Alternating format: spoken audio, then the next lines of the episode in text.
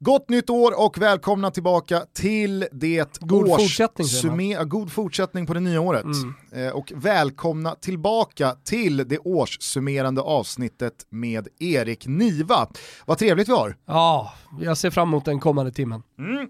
Eh, spänn fast er, vi trycker på play igen och eh, så säger vi på återhörande nästa vecka. Ja, då är det normalt Toto igen. Rulla jingeln!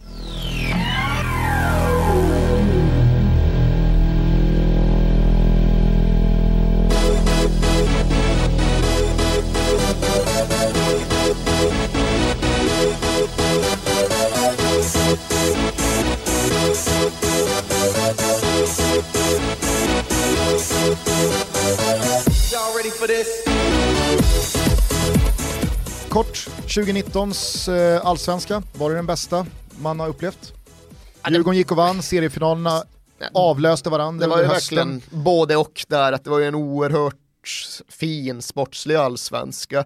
Sen är väl ärligt talat för mig 2019 inte det allsvenska året då Djurgården vann guld, utan för mig och för väldigt många andra som är ännu mycket mer involverade så var det ju någonstans villkorstrappans år. Och det var ju skit. Det går ju liksom inte att komma ifrån på något annat sätt. Så på så sätt är det svårt att summera allsvenskan och säga att fan det var den bästa någonsin. Det var ju en allsvenska som kostade mer än den gav på så jäkla många sätt. Som innebar ett stort hot mot så mycket av det som är bra och unikt och värdefullt med svensk fotboll. Så totalt sett var det ju nästan ett minusår trots Bosse Anderssons guldkavaj och trots eh, liksom den där förtrollade eftermiddagen när pokalen bytte ägare och liksom flyttades hit och dit och trots hela hösten egentligen så överskuggar allt det där andra helhetsintrycket i alla fall för mig. Ja, nej, men det var det jag skulle komma till att eh, ur ett sportsligt eh, perspektiv så tycker jag att Allsvenska 2019 verkligen stod ut. Men som du direkt nämnde då med villkorstrappan så blev det ju en annan typ av allsvensk säsong också och hur mycket det då förtog av den fantastiska sportsliga biten. Hur upplevde du året? Ja, men precis som, du, som Erik är inne på, alltså, om man bara kollar på medierapporteringen eh, från egentligen alla så har det handlat, handlat väldigt mycket om villkorstrappan, om relationer mellan supportrar och, och myndigheter och, och protester eh, mot, eh, mot det eh, som någonstans kulminerade med eh, AIKs banderoll, även om inte det handlade om eh, villkorstrappan så var det väldigt skarp ton från en, eh, en, en skarpaste tonen kanske som jag sett i, i svensk fotboll mot eh, polisen. Eh, Kan och- översättas i ett italienskt magasin. Ja, nej men alltså på, de, på den nivån var det ju faktiskt. Och, och, och jag menar den, den banderollen hade ju aldrig skrivits, den hade aldrig kommit upp, eh, inte ens på norra stå, om man får säga så. Eh, om, inte, liksom, villkors, om det inte hade varit villkorstrappans år som Erik säger. Så, så att, eh, jag, håller, jag håller helt med där. Och det, det, det är ju det man är rädd för alltså, om man sen ska börja blicka mot framtiden. Alltså, ska man fortsätta gå på eh, den spanska linjen på 90-talet, den italienska linjen på 00-talet, eh, där eh, tillträdesförbud eh, för smågrejer blev liksom fyra år långa, fem år långa, du får aldrig mer gå på fotboll, fast egentligen så är väl det ganska hårt straff för att du har haft en bengal inne i fickan. Alltså så här, allt det där, man förbjuder, band, äh, man förbjuder banderoller, men du, du, du får det, det är inte fria kurvor, du får knappt ha trummor, du får inte ha megafoner, alltså allting sånt där. Att Du det får inte ha en styrs OH-flagga.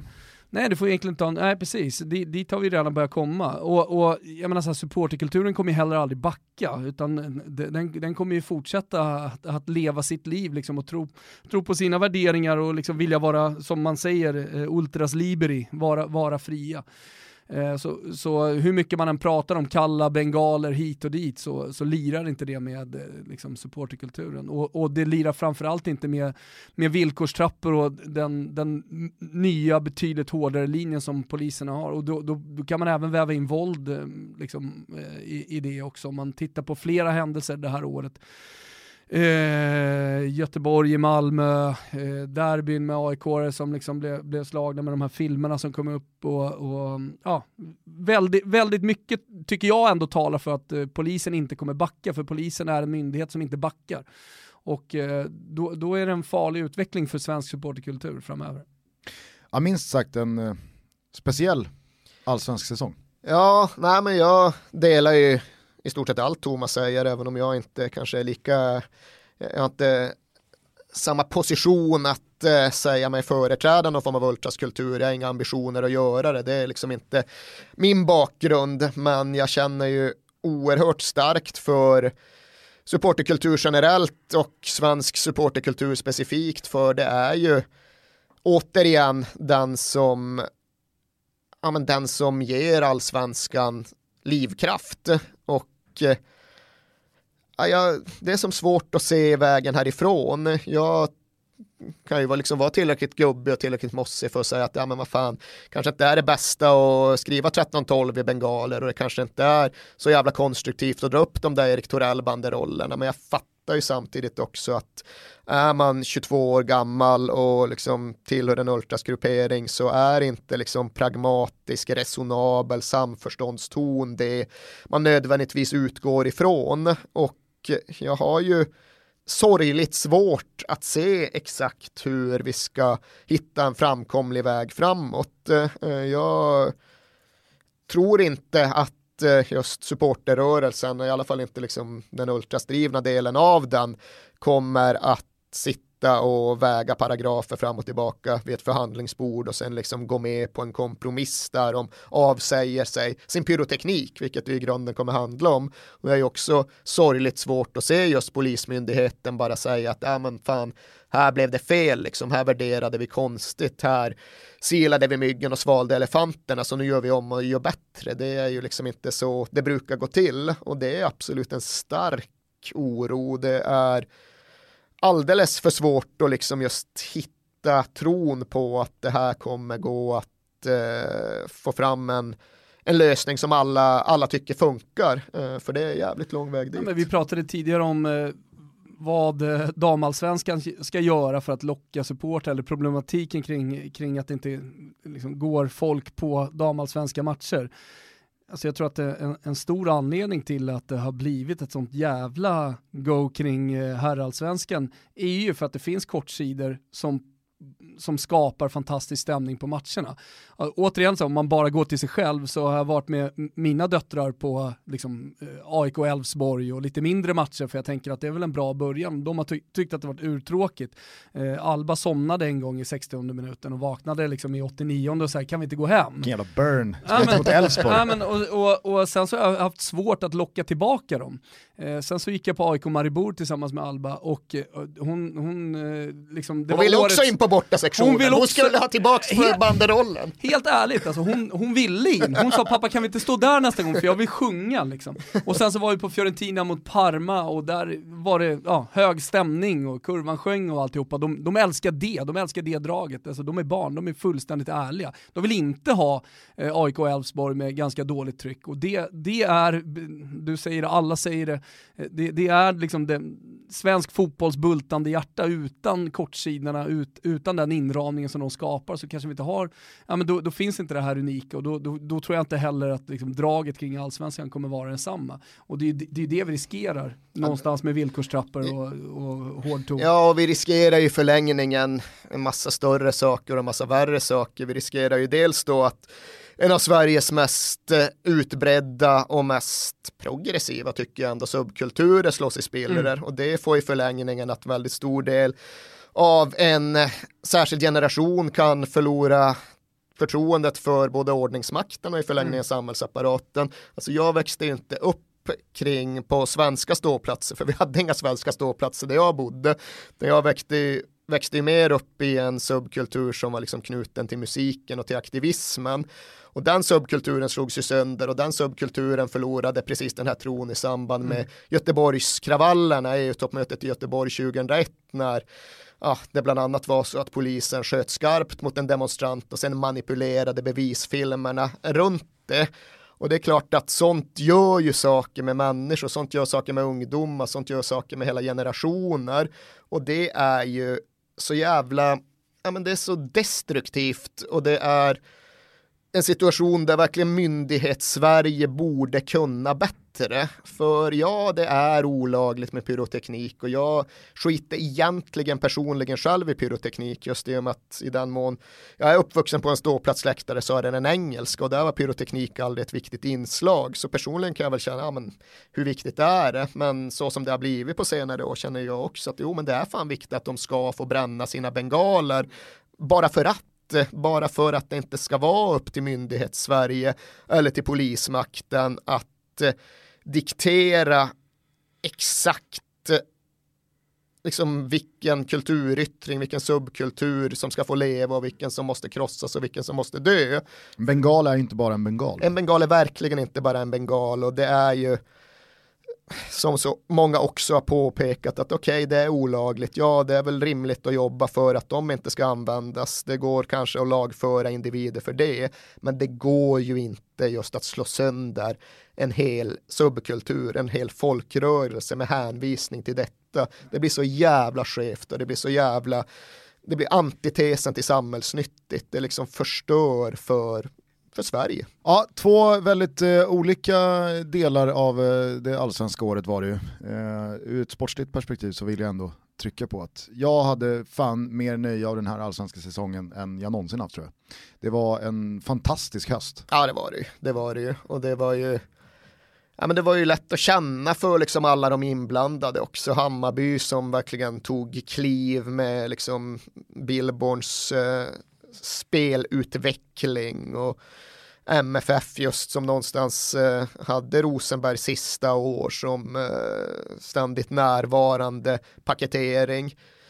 AIK med allt, allt vad ni höll på med, allt vad ni tenderar att hålla på med. Men sen Djurgården som den här symbolen som, jag, jag, vill inte ta någonting från Djurgården, men eh, i, i, liksom, i, i det större perspektivet så, så fick ju Djurgården för mig i alla fall representera laget som återigen visade att Malmö kan spela in hur många hundra miljoner de vill, det kommer alltid gå i allsvenskan att slå dem ändå. Nej men det, det vi pratade om tidigare, alltså Wolfsburg och sådär, så det krävs otroligt mycket pengar under så otroligt lång tid och dessutom då i allsvenskan, vad är nästa steg för Malmö FF rent sportsligt med sina pengar att göra? Vilka, vilka spelare ska de konkurrera om? Är det då ja, men är det italienska bottenlags spelare? Ja, Malmö de har köpt in eh, Christiansen som inte riktigt lyckades i Kevo. Ja, men det kommer även AIK, Djurgården, Hammarby också kunna göra. Så här. Hemvändare i form av Nabil Bahoui. Så det, det, det, det är ändå så pass stor sportslig edge för AIKs del,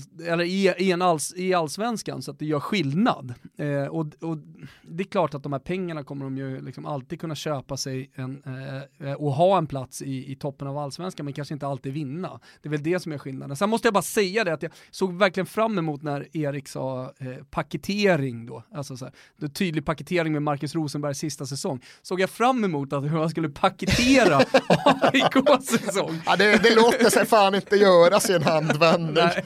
Nej men det kanske paketeras på så sätt att vi satt här för ett år sedan och då vet jag att jag återanvände hur du formulerade mm, dina tankar och känslor kring AIK när de hade vunnit guld, att vilken jävla stryktålig bjässe till förening det här är. Ett år senare så har det mesta gått åt helvete och nu går AIK in i 2020 med Hej, jag Ryan Reynolds. At Mint Mobile, we like to do the opposite of what Big Wireless does. They charge you a lot, we charge you a little. So naturally, when they announced they'd be raising their prices due to inflation, we decided to deflate our prices due to not hating you. That's right. We're cutting the price of Mint Unlimited from $30 a month to just $15 a month. Give it a try at mintmobile.com slash switch. $45 upfront for three months plus taxes and fees. Promote for new customers for limited time. Unlimited more than 40 gigabytes per month. Slows. Full terms at mintmobile.com. Med, med, väldigt lite tro eh, på att det här kan sluta kanon. Alltså det blir också, precis som att Djurgården visar att det går att slå Malmö, så visar ju AIK med det här kalenderåret att ja, man kan stå på toppen innan, och det går fort till att vara tillbaka nere, innan, nere i skos, alltså ha skoskador. Innan transferfönstret ens har öppnat så pratar man om en mellansäsong för AIK. Men jag tycker samtidigt att AIK förblir en stryktålig bjässe för det är ju sannoliken djupt ingraverat i den klubbens DNA att det ska storma, det ska blåsa, det ska se jävligt. Ibland kan himlen vara ganska grå och allt det där. Eh, och de kommer ju vara thereabouts nästa säsong också. Jag tror kanske inte de vinner allsvenskan ifall du tvinga piska mig och tippa i december 2019. Det skulle jag aldrig göra, för det, det, det, är nog det mest meningslösa som finns. Allsvenska tips i november. Med, var det, var det en känga till Jonas Dahlqvist? det, sjuka, det sjuka är att jag vet ju hur det fungerar inom i alla fall vårt mediehus och ifall man pratar om liksom konsumentintresse så är folk intresserade, ja. det säljer. Ja, ja, och varför det är så det vet jag inte men det jag också vill säga om allsvenskan 2019 2019 och det går ju att knyta till allt det vi pratar om att även ett stormigt AIK kommer vara där någonstans. Även ett Djurgården som vinner ser man lite som beviset på att pengar inte är allt.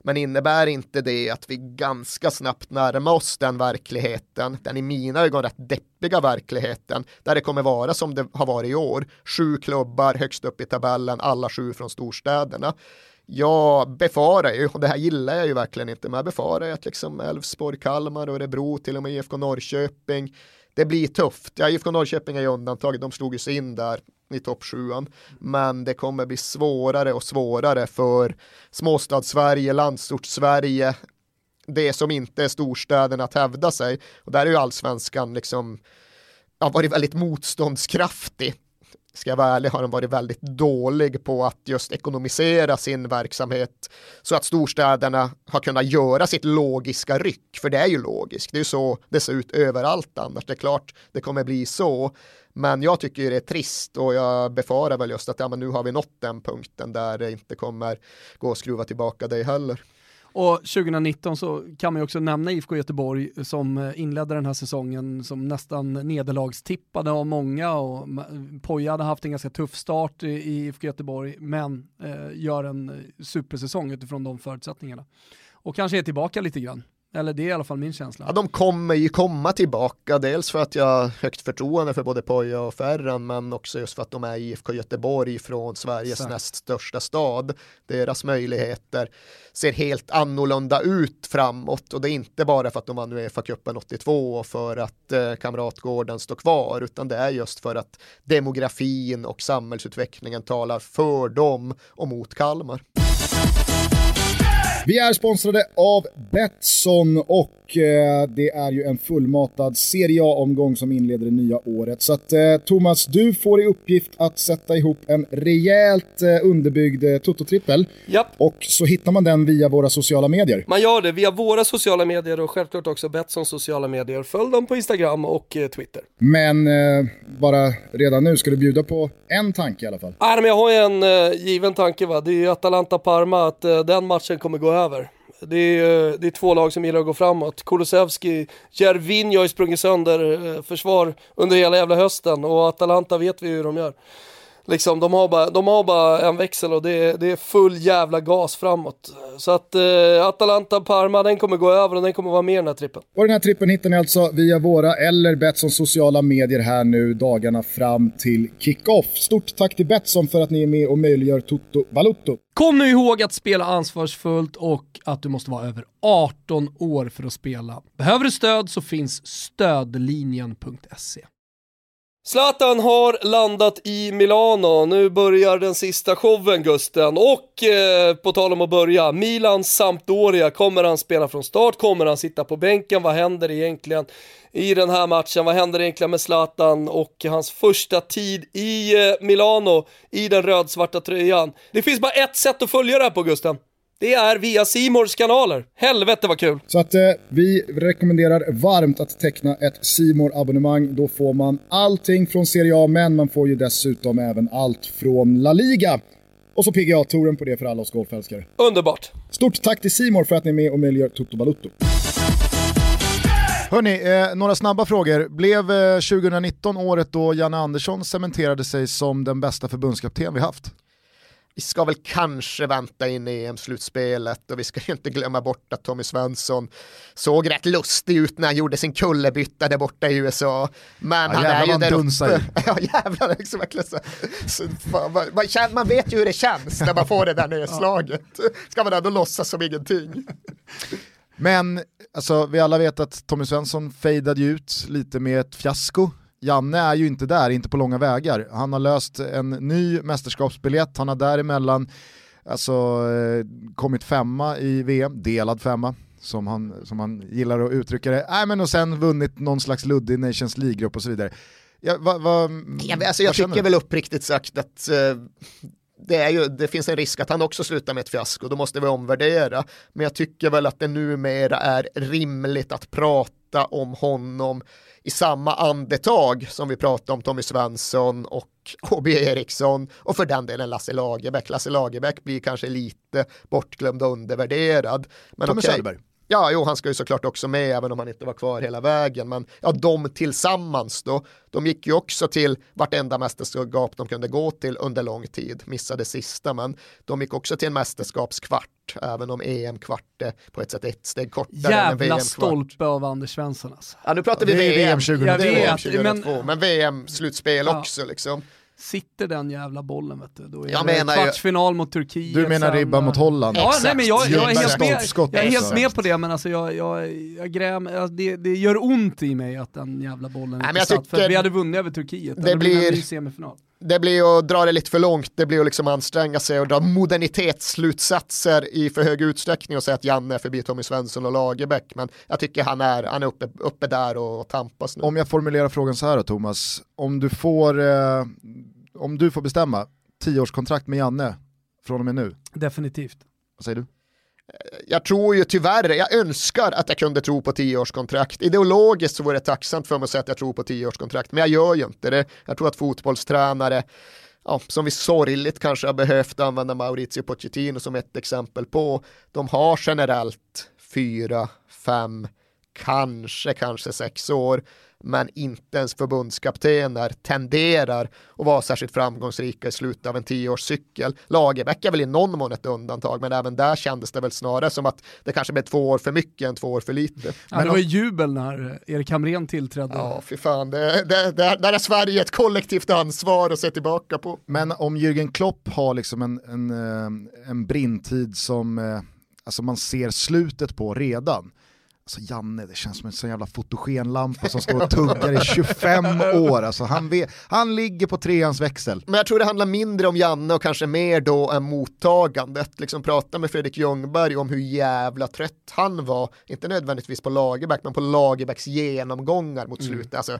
han hade ju hört det där, alltså inte bara i tio år med A-landslag, i U21 dessförinnan. Så jag tror liksom det är väl relationerna som nöts ner. Ska man bli kvar länge som tränare, då måste man jävla byta ut sina spel spelare kontinuerligt, du kan inte ha samma grupp. Ser man till hur Arsenals första matcher såg ut under Ljungberg så kanske han inte lyssnade så jävla mycket heller på Lagerbäcks genomgångar. Han kanske borde spetsat öronen lite mer. Byta ut spelare. Ja, det är lätt att sitta och vara styv i korken med Niva på eh, Ringvägen och håna Lagerbäck och sen så ser det ut som skit när man själv tar över skeppet. Ja, Oj. Sånt där gillar jag inte. Eh, jag har sparat det bästa till sist, innan jag faktiskt ska dra min eh, decennium 11 som Oj. jag har eh, plockat ut och sen så ska Thomas komma med lite nyårslöften. Eh, Men jag antar, tror och hoppas att du eh, pikade supportermässigt i Amsterdam i våras för att eh, det som blev en förlust och således kan jag tänka mig inte den bästa stunden i och med finalen mot Liverpool så måste det väl ha varit några sekunder där när Lucas Moura gör 3-2 på Johan Cruyff Arena. Alltså heter den, den väl nu kanske, eller gör den inte det längre? Jo, nu heter den, men jag blir osäker om de kanske bytte det i somras eller någonting. Så. Nej, jag minns fan att det var mycket Cruyff-paketering ja. runt den arenan just den matchen, så han hade nog fan bytt. Var det så? Var, ah, ja, var det dina bästa sekunder i, i livet, bortsett typ barnafödsel? 100%, 100%. Det var piken, kommer alltid förbli piken.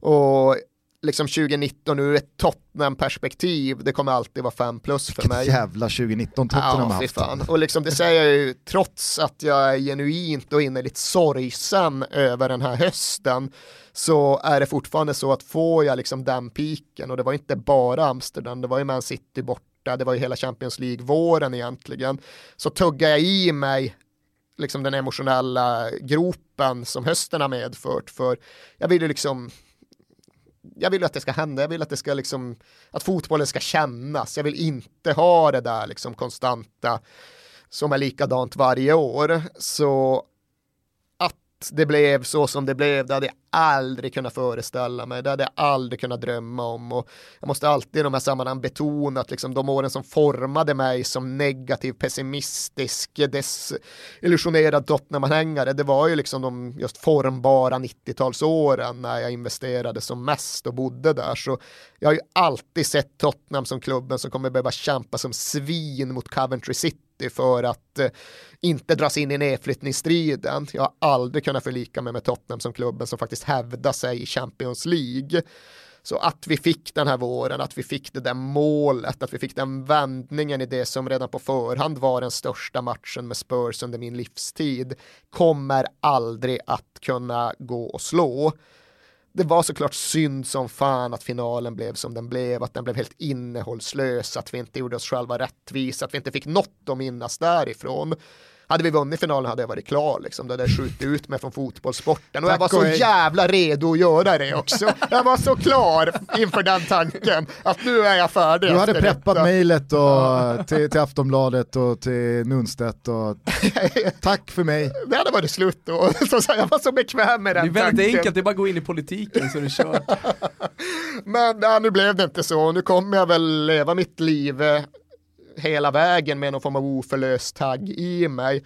Men det kan jag leva med. Som sagt, jag fick de där jävla sekunderna. Det var mer än jag någonsin hade kunnat drömma om. Och som alla vet, the great fallacy is that the game is first and last about winning.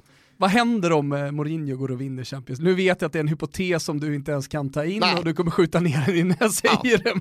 ja, alltså. Nej, men det är precis den hypotes som jag har haft fast i andra former tidigare. Ja, men vill jag att Tottenham någon gång under mitt liv ska vinna Champions League med Man Citys Abu Dhabi-pengar? Och Man, Abu Dhabi, nu ska vi växla fokus, vi tar Spurs istället. Om Abramovic inte hade sett hur jävla skabbigt det var på Tottenham High Road när han bestämde sig för att köpa Chelsea istället, hade jag velat det? Jag, kan, jag har inget riktigt svar på det, men förmodligen får jag sitta där med knappen och trycka Champions League-titel eller inte, då kommer jag trycka på den bara för att jag skulle såklart vilja uppleva det när jag dör och det kommer jag inte få utan shake-pengar. Jag kommer inte få det med Mourinho, men absolut, ge mig knappen, Champions League-titeln med Mourinho, jag kommer trycka liksom, mm. det är klart jag kommer göra det. Går det på något sätt att sätta ord på vad man känner i kroppen de där sekunderna? Alltså allting blir så jävla klyschigt, det går liksom inte att komma ifrån, men det är ju liksom utomkroppsligt. Det är ju det där att liksom det är någon form av blackout och man vet verkligen inte vad som A lot can happen in three years, like a chatbot may be your new best friend. But what won't change? Needing health insurance. United Healthcare Tri Term Medical Plans, underwritten by Golden Rule Insurance Company, offer flexible, budget friendly coverage that lasts nearly three years in some states. Learn more at uh1.com. Botox Cosmetic, out of botulinum toxin A, FDA approved for over 20 years. So, talk to your specialist to see if Botox Cosmetic is right for you. For full prescribing information, including boxed warning, visit BotoxCosmetic.com or call 877-351-0300. Remember to ask for Botox Cosmetic by name. To see for yourself and learn more, visit BotoxCosmetic.com. That's BotoxCosmetic.com. pågår och kan inte titta tillbaka och säga men just det jag gjorde de där grejerna de där sekunderna. Ingen aning. Det är liksom excuse me while I kiss the sky liksom. Jag vet jag vet fan inte vad som pågick då uh, och jag är glad att jag inte vet det. Hur hanterar du att din son nu blir Tottenham-supporter under Glory Days? Ja, det är svårt att hantera. Sen är det kanske ännu svårare att hantera i faktum att hans... Han är Liverpool-supporter? Nej, det är han jävlar i mig inte. Men hans engagemang kommer och går ifall jag formulerar mig ja, så. Okay. Mm. Och det kan man ju tycka, det kanske är en konsekvens av att det var lite för enkelt att han fick följa med och se Spurs slå Real Madrid på Wembley bland det första han gjorde. Men äh, än så länge är det så att just hans, hans engagemang kommer och går. Jag tror att det var första gången du gästade oss som du formulerade de fantastiska orden att jag, jag, jag, jag fattar inte hur man som förälder kan sätta en Barcelona-mössa på sitt barn och liksom låta barnet växa upp i en värld där vi håller på Barca, vi vinner.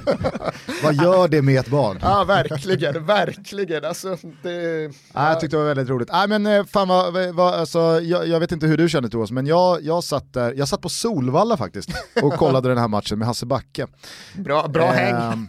Och eh, men jag, jag, tänkte på dig direkt och kände så här, jag hoppas att eh, Niva känner allt det som han nog har varit skräckslagen i så många år att han skulle ha tappat. Eh, och att det fortfarande finns där. Ja, det blev ju inte det där som eh, jag liksom har pratat med vissa Hammarbyare om att ja, fan, de vann guldet 2001 och sen då liksom. Ja, utan det är väl just det att hade vi vunnit titeln då hade jag väl förmodligen också hamnat där och då hade jag liksom haft någon existentiell kris och sen inbillar jag mig att jag hade mer eller mindre liksom inte slutat bry mig men det hade varit på en mycket sundare nivå därefter. Så det blev kanske till det bästa med torsk i finalen? Nej det får du mig aldrig att säga men jag hör vad du säger. Hörru, hur många Pepsi blev det på nyårsdagen då? Nej, alltså jag tjackade en karta och sen så var jag med mina tjejer i fotbollslaget, tog ju slut direkt, jag var ju tvungen att tjacka en karta till Gugge! Så nu jävlar, du står här ute i Boden och det är ju perfekt väder va, så det är så här lagom kylt när man hämtar det i Boden. Nej, man är inne på andra plattan va? Nyårslöftet har börjat kanon alltså. Ja, för fan kunde inte börja bättre. Nej, det är imponerande. Hoppas ni hakar på. Vi ska dricka mer Pepsi 2020 än vad vi gjorde 2019. Nu kör vi! Gott nytt år! Gott nytt år! Pepsi! Gott nytt Pepsi-år. Hörni, det är inte bara 2019 som eh, har tagit slut utan även 10-talet, ett decennium. Jag tänker att jag ska avsluta min roll i det här avsnittet med att eh, läsa upp min 11 från decenniet som har varit och så får ni då reagera på namnen. Uppstudsreagera, fan vad man går bort sig och går fel då. Det här kan ju såklart diskuteras i all oändlighet och det finns säkert 25 eh, namn som ska nämnas på varenda position. Men jag har valt att ställa upp laget i ett 4-3-3. Jag har bara landat i två värdiga mittfältare så jag har lämnat en lucka så att ni oh. får på volley ta ut en mittfältare som ska med. Ja, liksom Xavi och Iniesta ska ju vara med så ifall ingen av dem är med så en av dem är med. Okej, okay, okay. eh, och bara Ska vi att... tänka på balansen i Nej, laget? Bara sånt, de elva sånt, bästa sånt, spelarna. Sånt, eh, okay. sånt bryr jag mig inte om. Men jag tycker det är värt att påminna folk om att 2010 är ju liksom en viktig brytpunkt för decenniets 11. Det finns ju jättemånga spelare som var aktiva in på 10-talet, men som kanske la ner 2012-13, pikade 2008. Då blir det ju svårt för en sån spelare att ta sig in i eh, det här ska liksom laget. Inte vara med, ja, eller eh, Steven Gerrard. Mm. Eh, det, det, det, blir ju liksom, eh, det, det blir ju tyvärr deras lott i livet att de hamnar på båda sidorna om decenniet. Vi pratade innan vi gick in i studion om Inters trippelvinnande lag 2010. Jättemånga otroliga spelare i det laget, men tre år senare så hade de flesta hängt upp dojorna i björken. Så att, eh, ja. ja vi, får, vi får resonera oss fram till något här. I mål står Manuel Neuer. Eh, det känns ju spontant rätt, även om han har gått ner sig nu de sista åren. Självklart. Så, så är hela hans tiotal, fan vinner VM allting, vinner Champions League med FC Bayern, känns rätt. Mm. Och han var liksom en ny målvakt. Så jag har så jävla svårt för, för, för, tyskar, så att, eh, jag vill ju någonstans här, bolla upp i eh, Gigi Buffon. Jag tänkte på Buffon, jag, men där men blev det också mer... lite så här... När pikade han, egentligen Buffon? Vem vet? Ja, verkligen. Han har aldrig pikat. 2006 VM-guldet kanske, men... Uh, han var som bäst när han kom fram i Parma. Ja men på ett sätt, för då var han så jävla reaktionssnabb. Hela hans jävla karriär var downhill. Ja, men, ja, men han var ju stor och reaktionssnabb. Det var, det var lite det så med Neuer också faktiskt. Jag tyckte när han kom fram i Schalke var mm. den jävla auran. Mm. Satan ettan mm. i Men du mig. vet, alltså Schalke det är 10-11. Så Nej, det, sen, det är det här decenniet. Ja, men sen så tycker jag någonstans att han var lite banbrytande i det här, uh, nu, nu, nu, har väl inte det riktigt satt sig i den moderna fotbollen, det handlar väl mer om, mer om att vara bra på fötterna, men, men att han ändå stod så långt upp. Han blev, mer, han blev mer av en extra back, en libero och sådär. Han skrev ju om det, uh, målvaktsboken. Exakt, det, och det ihop med framgångarna och alla titlar gör väl honom till... Jag var på en match, VM åttondelen 2014 i Belo Horizonte eh, ja. och då var det Tyskland mot Algeriet. Algeriet var ju svinbra, Algeriet var fan bättre än Tyskland både i match och i förlängning. Men Neuer spelade så jävla högt upp och lyckade komma undan med det liksom. Så där var väl verkligen den matchen det blev uppenbart att ja, sweeper keeper, det har funnits förr, men det här är en nivå till. Eh, jag drar backlinjen då från höger. Eh, Dani Alves, Vincent Company, Sergio Ramos och Marcelo.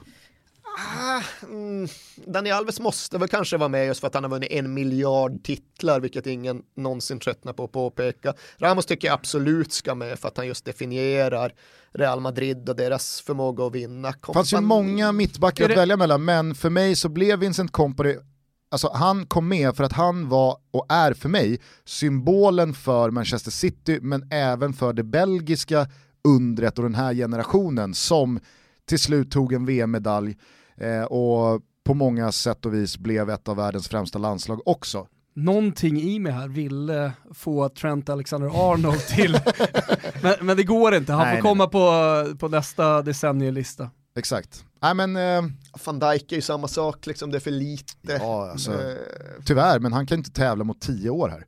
Vad fan vi ska tänka, vad har vi mer, vad har, vi, vad har hänt under ja, det här Det blir ju någonstans här, spanjorer, tyskar, Piqué, Gerard Piqué absolut. Men... Portugiser. Pepe ska inte. Pepe hade varit härlig hade varit mäktigt. Uh, Var, sen sen med vänsterbackar. Chiellini, Bonucci, nej, de, nej tyvärr. Det, det... De, har, de har inte den stora titeln heller. Mats Hummels går inte heller, han är för svajig liksom. Terry var för mycket 00-talet. Filip Lam på en av ytterbackarna kastade ut, han kan ju spela på båda därtill. Ja, men jag kände ändå att Marcello är med och starkt bidrar till fyra Champions League-titlar. Starka kort, ja, nej, får man säga. Nej, kanske... Vänsterbackar, vad har du där?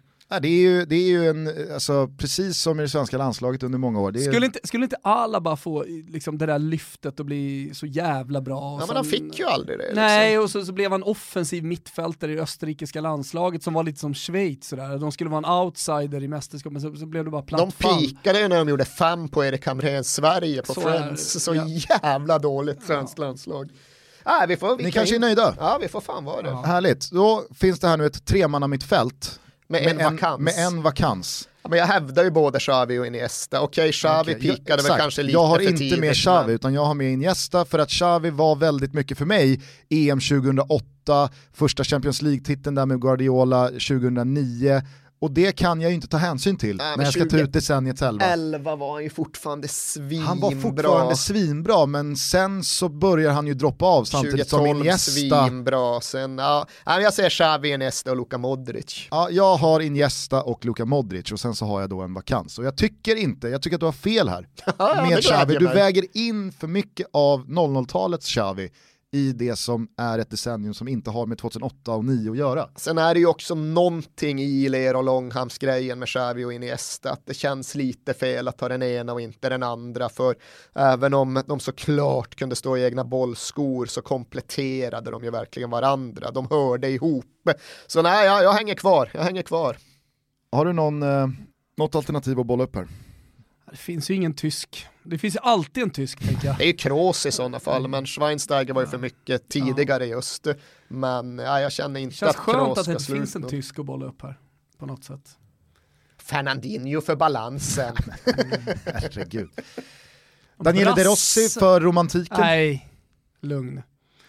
Nej, men jag någon brasse, men det finns inte heller riktigt. Ja, det är nog fel positioner. Det ska bli intressant mm. nu att se hur jag viktar Neymar. Ska han in i någon jävla treman? Ah, det är Messi och Ronaldo en nia, så det är Messi, Ronaldo och Lewandowski. Då, Problemet för hela det argentinska landslaget är väl att det inte har funnits någon stor jävla fältherre på 10-talet. Men okej, okay, ingen protesterar i alla fall mot Modric och Iniesta. Ja det gör jag definitivt inte. Jag protesterar mot eh, Nivas Xavi, med Vad all respekt för Xavi. Jag säger bara så, eh, hade det här varit eh, de 20 år, 20 senaste åren. Han var bra mot England i Manaus 2014 och han chippade på Johart 2012, men ja. nej, ja, där säger jag nog ändå Xavi mer. Uh, det enda är väl så, eller ska man väga in vad som hände rent moraliskt med Xavi när han drog till Qatar? Det ska man väl ändå inte? Nej, nej för fan. man, man, man verkar tänka på att väga in moral i sin fotboll. Råheten i det skrattet alltså. ja, nej, det, det, sånt, sånt bryr jag inte om. också. Ska alltid hamna där. Nej, men om inte du Thomas har något bättre här. Ja, då får väl jag... Frank Lampard? Nej, men han var väl inte 10-talet. Nej, Visst, det, de vinner 2012. Samma, men... ja, Gerard är också liksom innan. Eh, Xavi, han uträttar tillräckligt mycket de första ju, fyra, fem åren. Vi har en stark han vinner ju allt man kan vinna det här årtiondet. Han vinner Champions League, han vinner EM, han vinner VM, han vinner spanska ligan. Det gör han ändå under det här årtiondet. Mm. Det, han är med 15 också ja. Väl. Uh, ja, ja, för fan det är ju typ hans sista match. Han och Pirlo står ju och tar Mm. avsked av varandra Så där han i, vinner ju två Berlin. Champions League-titlar det här decenniet. Ja. Ja. fan det kanske blir Xavi ändå. Busquets då, ska vi nämna honom kanske? Knappt, i så fall är det ju på Fernandinho, balanskvoten liksom. Här snackar vi en snubbe som har vunnit allt och han är för fan lika Knappt. bra nu som han var för tio år sedan. Men eh, Nej, fan, okej. han har varit svag den här hösten. Alltså. Ja, ja. Eh, sen så är det ju, jag, jag ställer upp det med, med Ronaldo som spets för att det blir Aha. Messi, Ronaldo och Neymar. Jag och. Thomas pratade om det lite innan.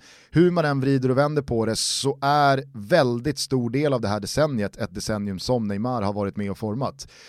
I mångas bakhuvuden och, och, och tankar tror jag att Neymar är liksom lite fortfarande en new kid on the block.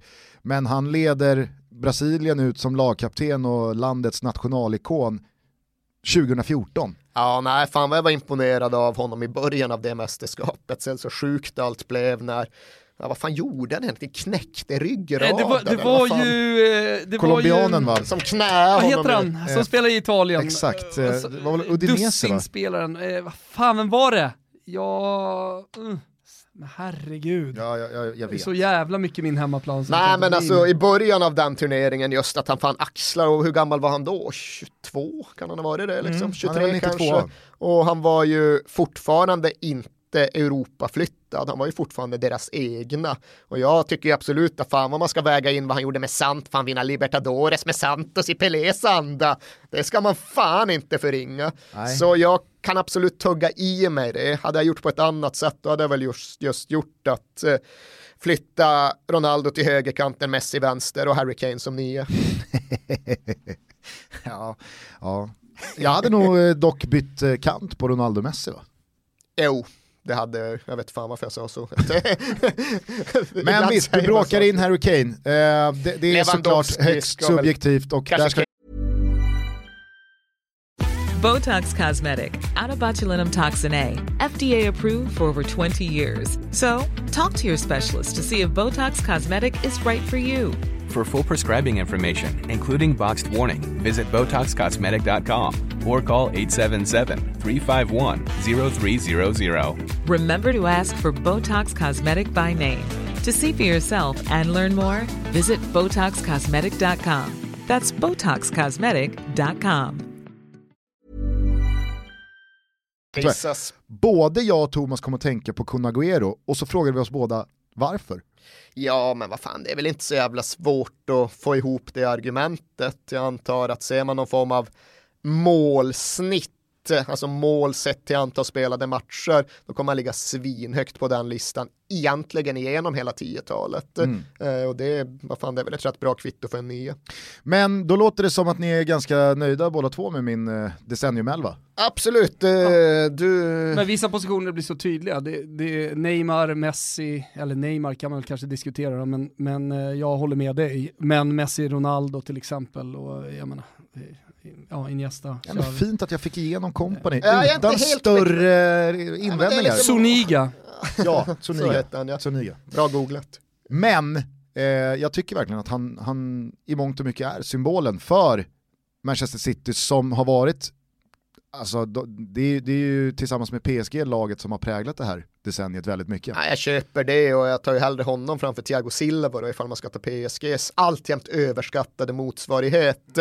Sen, ja, där också liksom att det kompani, även om vi inte ska väga in moral eller egentligen väga in någonting överhuvudtaget så är det klart att jag tycker det är värt oerhört mycket att han någonstans lotsade Man City från att vara den klubb de en gång var till att bli den klubb de är idag. Med allt vad det nu innebär så hade de inte liksom fått det att funka, de hade inte fått det att hänga ihop ifall inte kompani hade varit där som bryggperson. Sen kanske det också hörde föregående årtionde till, men det är klart att det är värt mycket och Ja, nej, det är lite också kandidaterna är för suddiga, Piqué och Hummels och Thiago Silva. och Ja, de- det eventuellt skulle igen. kunna säga, det, det eventuellt skulle kunna säga, eh, när man spelar Fifa eh, på Xbox så har, finns det så linjer mellan spelarna, om de pratar tyska så blir det starkare och blir laget starkare och sånt där.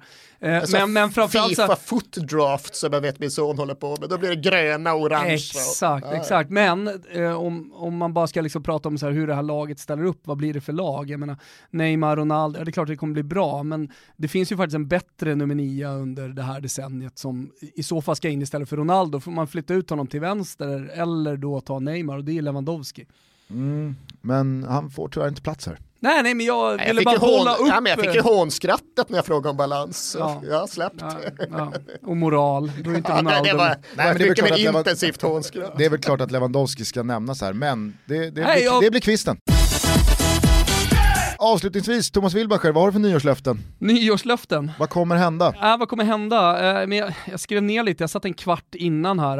Eh, dels, Halvtimmen blev en kvart. Ja, hade- ja exakt. Tre minuter satt han. Eh, tre minuter satt jag. Eh, nej men det kommer bli en Zlatan-diskussion under våren, om man nu går till Milan och fortsätter att spela fotboll så kommer det bli eh, en landslagsdiskussion, för jag är helt övertygad om att han kommer göra Kommer du driva mål. den? Nej jag kommer definitivt inte driva den den här gången. Va? eh, jag, jag tänkte att jag skulle vara Zlatan trogen hela tiden, men det går inte längre. Va? Nej men eh, det, det, det kommer bli en ganska trött eh, Zlatan-diskussion, det tror jag ändå. Vad säger ni? Ja, det är frågan vem som kommer driva den. Det är svårt att liksom peka ut. Jag tror Wegerup ligger högt. Ja. Ja, Intressant. Ja, italiensk media kommer liksom mm, pusha på den. Eh, så så det, det, det tror jag. Och sen så kommer det bli en disk, eh, diskussion om vi nu pratar liksom om uttagningen till EM kring John Guidetti. Och hans vara eller inte vara i det här landslaget, men man pratar om symbolik så han, ja, han, det är många som gillar honom, man märker det. Man går på Friends Arena när det är matcher och John Guidetti kommer in, det är ett jävla jubel som går genom publiken. Han är, han v- Stor, ja, men älskad efter eh, det där eh, 92-guldet, eh, alltså U21-EM-guldet fortfarande. Och Varför blir det, ja just det, generation 92. Ja, jag generationen undrar vad fan var 92, 92-grejen. Nej men Eh, om nu Guidetti skulle ta sig ut och om nu Zlatan skulle ta sig in i landslaget igen så vet man ju vem som offras. Det är lammet Sebastian Andersson. Ja, men det krävs ju. Bäst i Sverige på att ta en petning. Fan vad fint mål han gjorde mot Färöarna då, liksom in framför sin försvarare. Han är ju otrolig höst. Ganska Vinner mycket närkamper i Bundesliga, det gör han fan. Ja. Nej, men det krävs väl att någon annan anfallare som då förmodligen inte Mikael Ishak tar ett kliv under våren för att det ska bli någon kraft i den diskussionen. Så Men- länge det är liksom Sebastian Andersson hit eller John Guidetti dit, där tror jag inte folk kommer engagera sig så jävla mycket. Nej, kanske Där inte. Men det kommer i alla en fall en tydligare- Guidetti-Zlatan-diskussion på något sätt om han nu spelar i Milan. Ja. Och sen så det beror det väl lite på hur Zlatan tacklar det, alltså vad han väljer, väljer att kasta in för, Jag för inte- grejer i elden så att säga. Nej, Jag tror inte Zlatan-diskussionen kommer bli speciellt intensiv den här gången, för jag tror det kommer vara helt uppenbart för alla att han inte kommer delta. Eh, om det är svårt att eh, singla fram vem som eh, leder Zlatan-diskussionen så är det i alla fall låga odds på att det är Hasse Backe som driver liksom, Guidetti out-leden. Ja, ja. Definitivt. Definitivt. Eh, Säger han det med viss svävan och tveksamhet i rösten eller? Nej. Jag är väldigt glad att vi har suttit här nu i, vad är det, en och en halv timme och inte ens nämnt det jag tycker är tråkigast att prata om inom fotbollen och det är VAR. Men man måste ändå liksom, eh, någonstans så måste vi leva med det. Och eh, 2020 blir ju också ett VAR-år på ett eller annat sätt. Men jag hoppas och tror, om jag nu får eh, liksom önska mig snarare än att liksom bara kolla i spåkulan, att man backar ett steg liksom, kring, kring VAR. Jag, nå- jag tror inte det, men jag hoppas att man gör det. Lite likt en svensk polismyndighet eller? Ja, exakt. Ja, nej, ja, där, är, där är jag helt med dig. Jag tror att eh, Alltså man kommer inte ta bort det helt och fullt. det blev skit och nästa år så kommer den stora massan svänga från att ja, men var är en bra grej egentligen till att det här blev inte bra. Den har väl svängt tydligt för länge sedan, eller? Alltså grejen att jag ska ju ärligt erkänna, det är ju just apropå den stora massan saker som man blir liksom kärad och fjädrad och avsläppt vid stadsgränsen för numera. Att jag ville ha en typ av vallösning. Jag minns att det var runt 2010 som jag liksom tröttnade på att varenda gång Barcelona eller José Mourinhos lag spelade så var det 14 timmar domardiskussion direkt efter. VM 2010, Lampard slår en ribba ner, två meter över linjen, spela på liksom. Samma eftermiddag, Mexiko, nej det är Argentina som gör ett mål på Mexiko i Johannesburg som är fem meter offside. De står på arenan, pekar upp på storbilden och vi säger, vad fan kolla hela världen ser det här. De, jag har tagit mitt beslut. Bara, men det här går inte, sporten är numera för svårdömd, för snabb, för förgiftad, för ohederlig för att de gamla traditionella domarna ska ha en chans längre. Så jag ville ha någon typ av videohjälpmedel. När VAR kom så kände jag, ja men vad fan, vi får väl försöka med det, så får vi se vart det tar oss, för vi måste göra någonting. Men nu accepterar jag ju just utifrån den stora massan att så länge ingen jävel vill ha VAR så ska det inte heller vara så att VAR piskas igenom ändå för att några jävla beslutsfattare vill ha det. Fotboll, likt all annan folkrörelse, måste ju någonstans styras av någon typ av majoritet. Och eftersom att fotbollen tydligen inte vill ha VAR så tycker inte jag att vi liksom ska baxa den framåt utifrån någon idé om att om tio år så vänjer sig folk och då har det satt sig. Utan vad jag tycker det är egentligen skitsamma, vad jag hoppades på är egentligen skitsamma. När så många tycker att det har blivit så dåligt, då borde vi ta ett steg tillbaka och tänka om.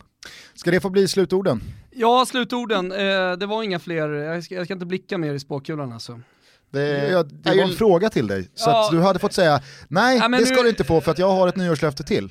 Ja, nej men alltså jag tänker att, jag, jag, sa det innan, jag tänker att Messi ska få vinna sitt första mästerskap. Alltså nu går Copa America på hemmaplan i Argentina och eh, nu, nu, är det dags. Han ska få vinna någonting med Argentina. Jag hoppas att det blir så också, för det förtjänar han.